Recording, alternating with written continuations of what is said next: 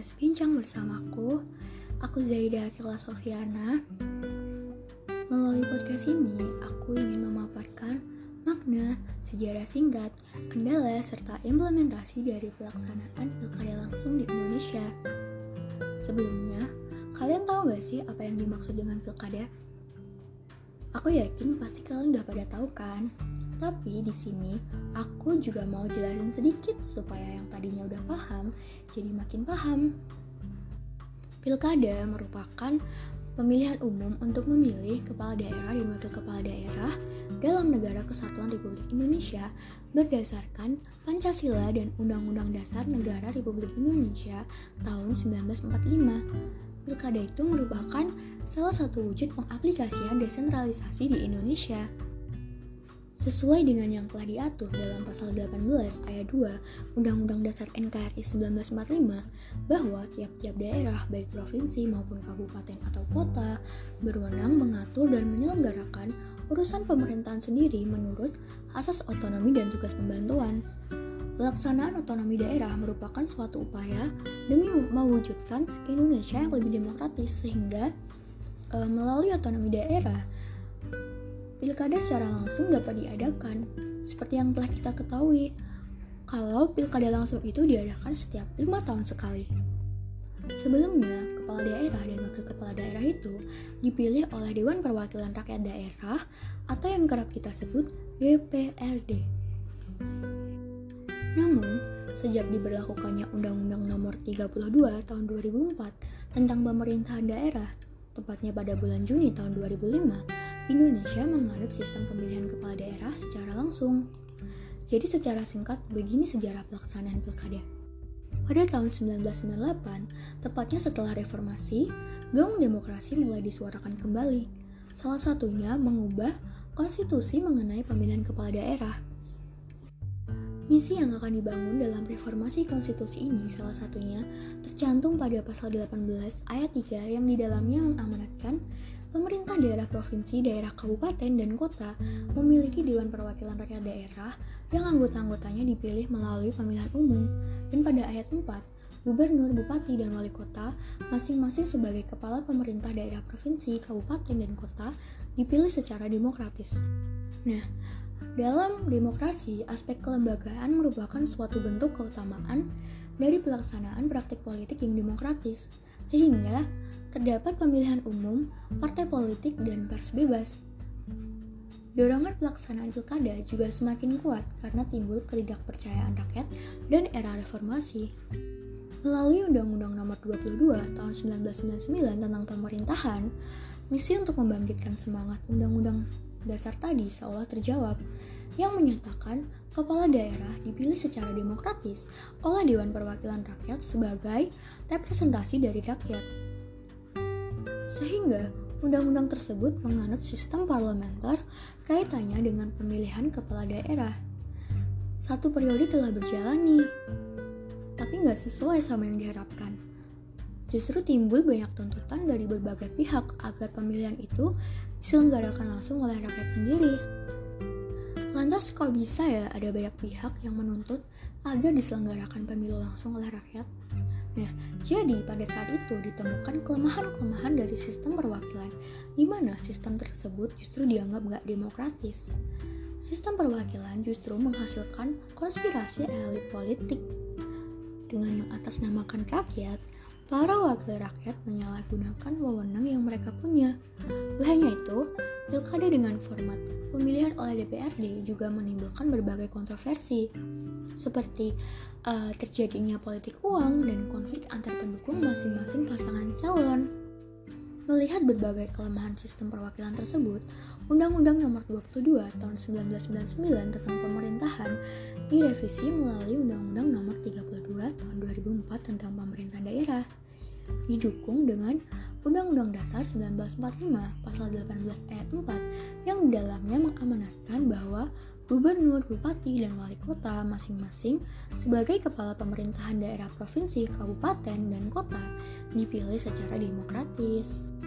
Arti demokratis tersebut dapat menimbulkan makna ganda, dapat dipilih langsung oleh anggota legislatif sebagai representasi rakyat, dan dapat dipilih langsung oleh rakyat sendiri.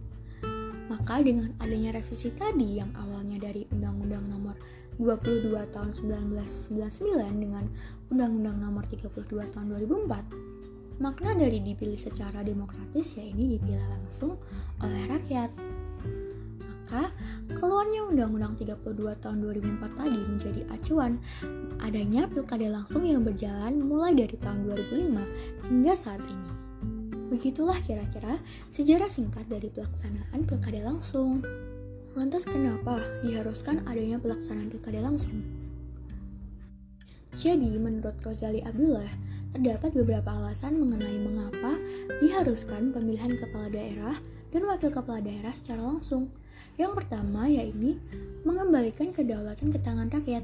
Yang kedua, memberikan legitimasi yang sama antar kepala daerah dan wakil kepala daerah dengan DPRD.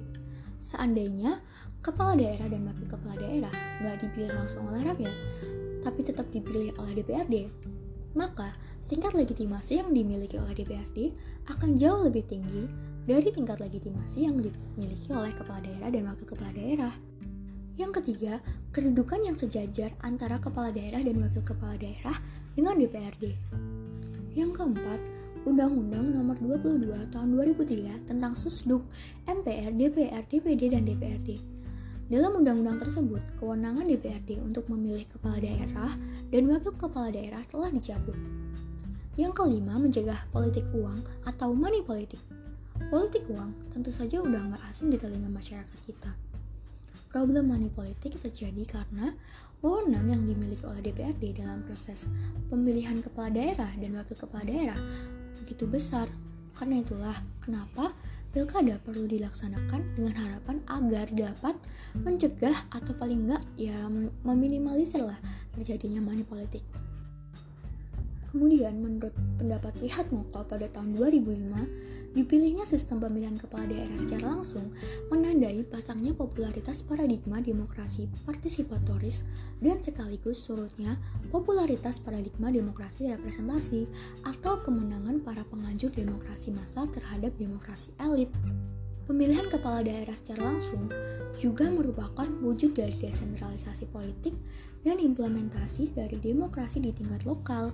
Apabila kita lihat dari perspektif desentralisasi, Pilkada secara langsung merupakan sebuah penemuan baru yang berarti bagi proses penguatan demokrasi di tingkat lokal.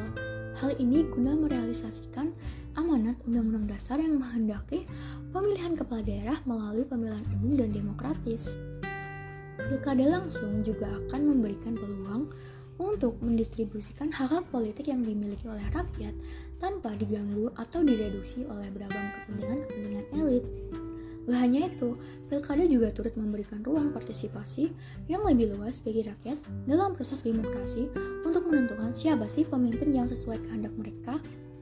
Nah, setelah dua periode undang-undang ini berjalan atau diberlakukan, ternyata setelah dua periode itu juga masih banyak menimbulkan persoalan yang kompleks, mulai dari elit politik pusat, daerah, dan bahkan dalam masyarakat di daerah.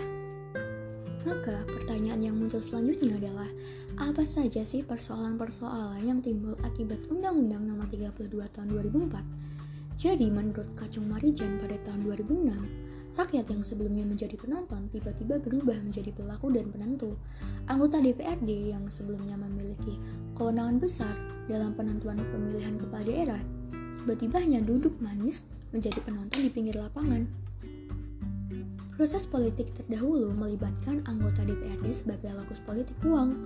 Para anggota DPRD mendapatkan istilahnya sogokan politik lah dari kandidat kandidat pemimpin daerah yang sedang berkompetisi karena mereka selaku pemilih dan penentu kepala daerah. Sedangkan dalam pilkada langsung itu memberikan cara baru di mana yang dulunya lokus politiknya e, berbasis di tingkatan elit sekarang bergeser ke rakyat sebagai penentu kepala daerah. Meskipun dengan adanya pilkada langsung sudah terjadi pergeseran lokus politik, persoalan pol politik uang atau money politics di tingkat elit ternyata nggak hilang gitu aja. Persoalan politik uang ditemukan hampir di semua daerah yang melaksanakan pilkada. Politik uang dilakukan dengan beragam cara seperti pemberian sumbangan ke tempat-tempat ibadah, bantuan sosial, merchandise-merchandise baju, dan lain-lain yang bertuliskan bahkan bergambarkan nama pasangan calon. Malah kadang juga ada yang membagikan dalam bentuk uang tunai ke warga-warga setempat. Meskipun secara normatif susah untuk membuktikan tindakan tersebut sebagai politik uang, tetapi secara konseptual, tindakan tersebut dapat digolongkan sebagai politik uang. Kemunculan politik uang yang telah mewarnai pilkada Indonesia memberikan indikasi bahwasanya pelaksanaan pilkada langsung yang tujuannya untuk menghadirkan kematangan terhadap demokrasi lokal nggak dapat terrealisasi sesuai dengan konsep pilkada pada awalnya. Lalu apa saja permasalahan yang merintangi penyelenggaraan demokrasi lokal di Indonesia? Salah satunya adalah biaya pilkada yang cukup besar. Para kandidat dihadapkan pada biaya pilkada yang cukup besar untuk membiayai kepentingan politik dengan harapan agar dapat memenangkan kompetisi. Yang kedua yaitu konflik antara KPUD dan partai politik pengusung calon kepala daerah. Konflik yang terjadi antara dua institusi ini telah banyak ditemukan di berbagai daerah terkait dengan pendaftaran dan penetapan calon kepala daerah. Nah, tadi kan udah ngomongin tentang kompleksnya permasalahan atau yang buruk-buruknya lah yang terjadi dalam pelaksanaan pilkada. Sekarang aku juga bakal membahas mengenai dampak baik dari pelaksanaan pilkada. Dengan adanya pilkada, tentunya telah membuka uh, ruang partisipasi yang lebih luas bagi rakyat dalam proses demokrasi. Masyarakat juga akan lebih mengenal siapa saja sih kandidatnya, apa aja sih visi misi mereka, sehingga akan memunculkan pemimpin yang sesuai kehendak masyarakat. Pilkada juga memberikan pendidikan bagi masyarakat loh. Pendidikan apa? Jadi, melalui pilkada, masyarakat dapat mengaktualisasikan hak-hak politik mereka dan mendapatkan kesempatan untuk menduduki posisi yang sama dalam keterlibatan pengambilan keputusan politik. Pilkada langsung juga memungkinkan terjadinya kompetisi, di mana preferensi kandidat yang berkompetisi akan lebih luas dibandingkan saat demokrasi perwakilan. Selain itu juga akan melahirkan pemimpin yang legitimatif. Kepala dan wakil kepala daerah yang memenangkan kompetisi akan mempunyai legitimasi politik yang kuat sehingga akan terbentuk check and balance antara wakil kepala dengan DPRD sehingga uh, dapat mengurangi penyalahgunaan wewenang. Pemilihan langsung yang berjalan selama ini sih secara konseptual sudah dianggap baik karena telah menghadirkan uh, partisipasi langsung dari masyarakat untuk memilih pemimpin mereka. Pilkada langsung juga memungkinkan adanya interaksi langsung antara masyarakat dengan pemimpinnya. Secara konseptual, hingga saat ini, pilkada langsung telah berjalan dengan baik sebab telah menghadirkan partisipasi langsung dari rakyat. Pilkada langsung juga memberikan kemungkinan timbulnya interaksi secara langsung antara masyarakat dengan calon pemimpinnya. Baiklah, Uh, demikian pembahasan dari podcast kali ini. Terima kasih telah menyempatkan waktunya untuk mendengarkan podcast dari Bincang Bersamaku. Stay safe and stay healthy everyone.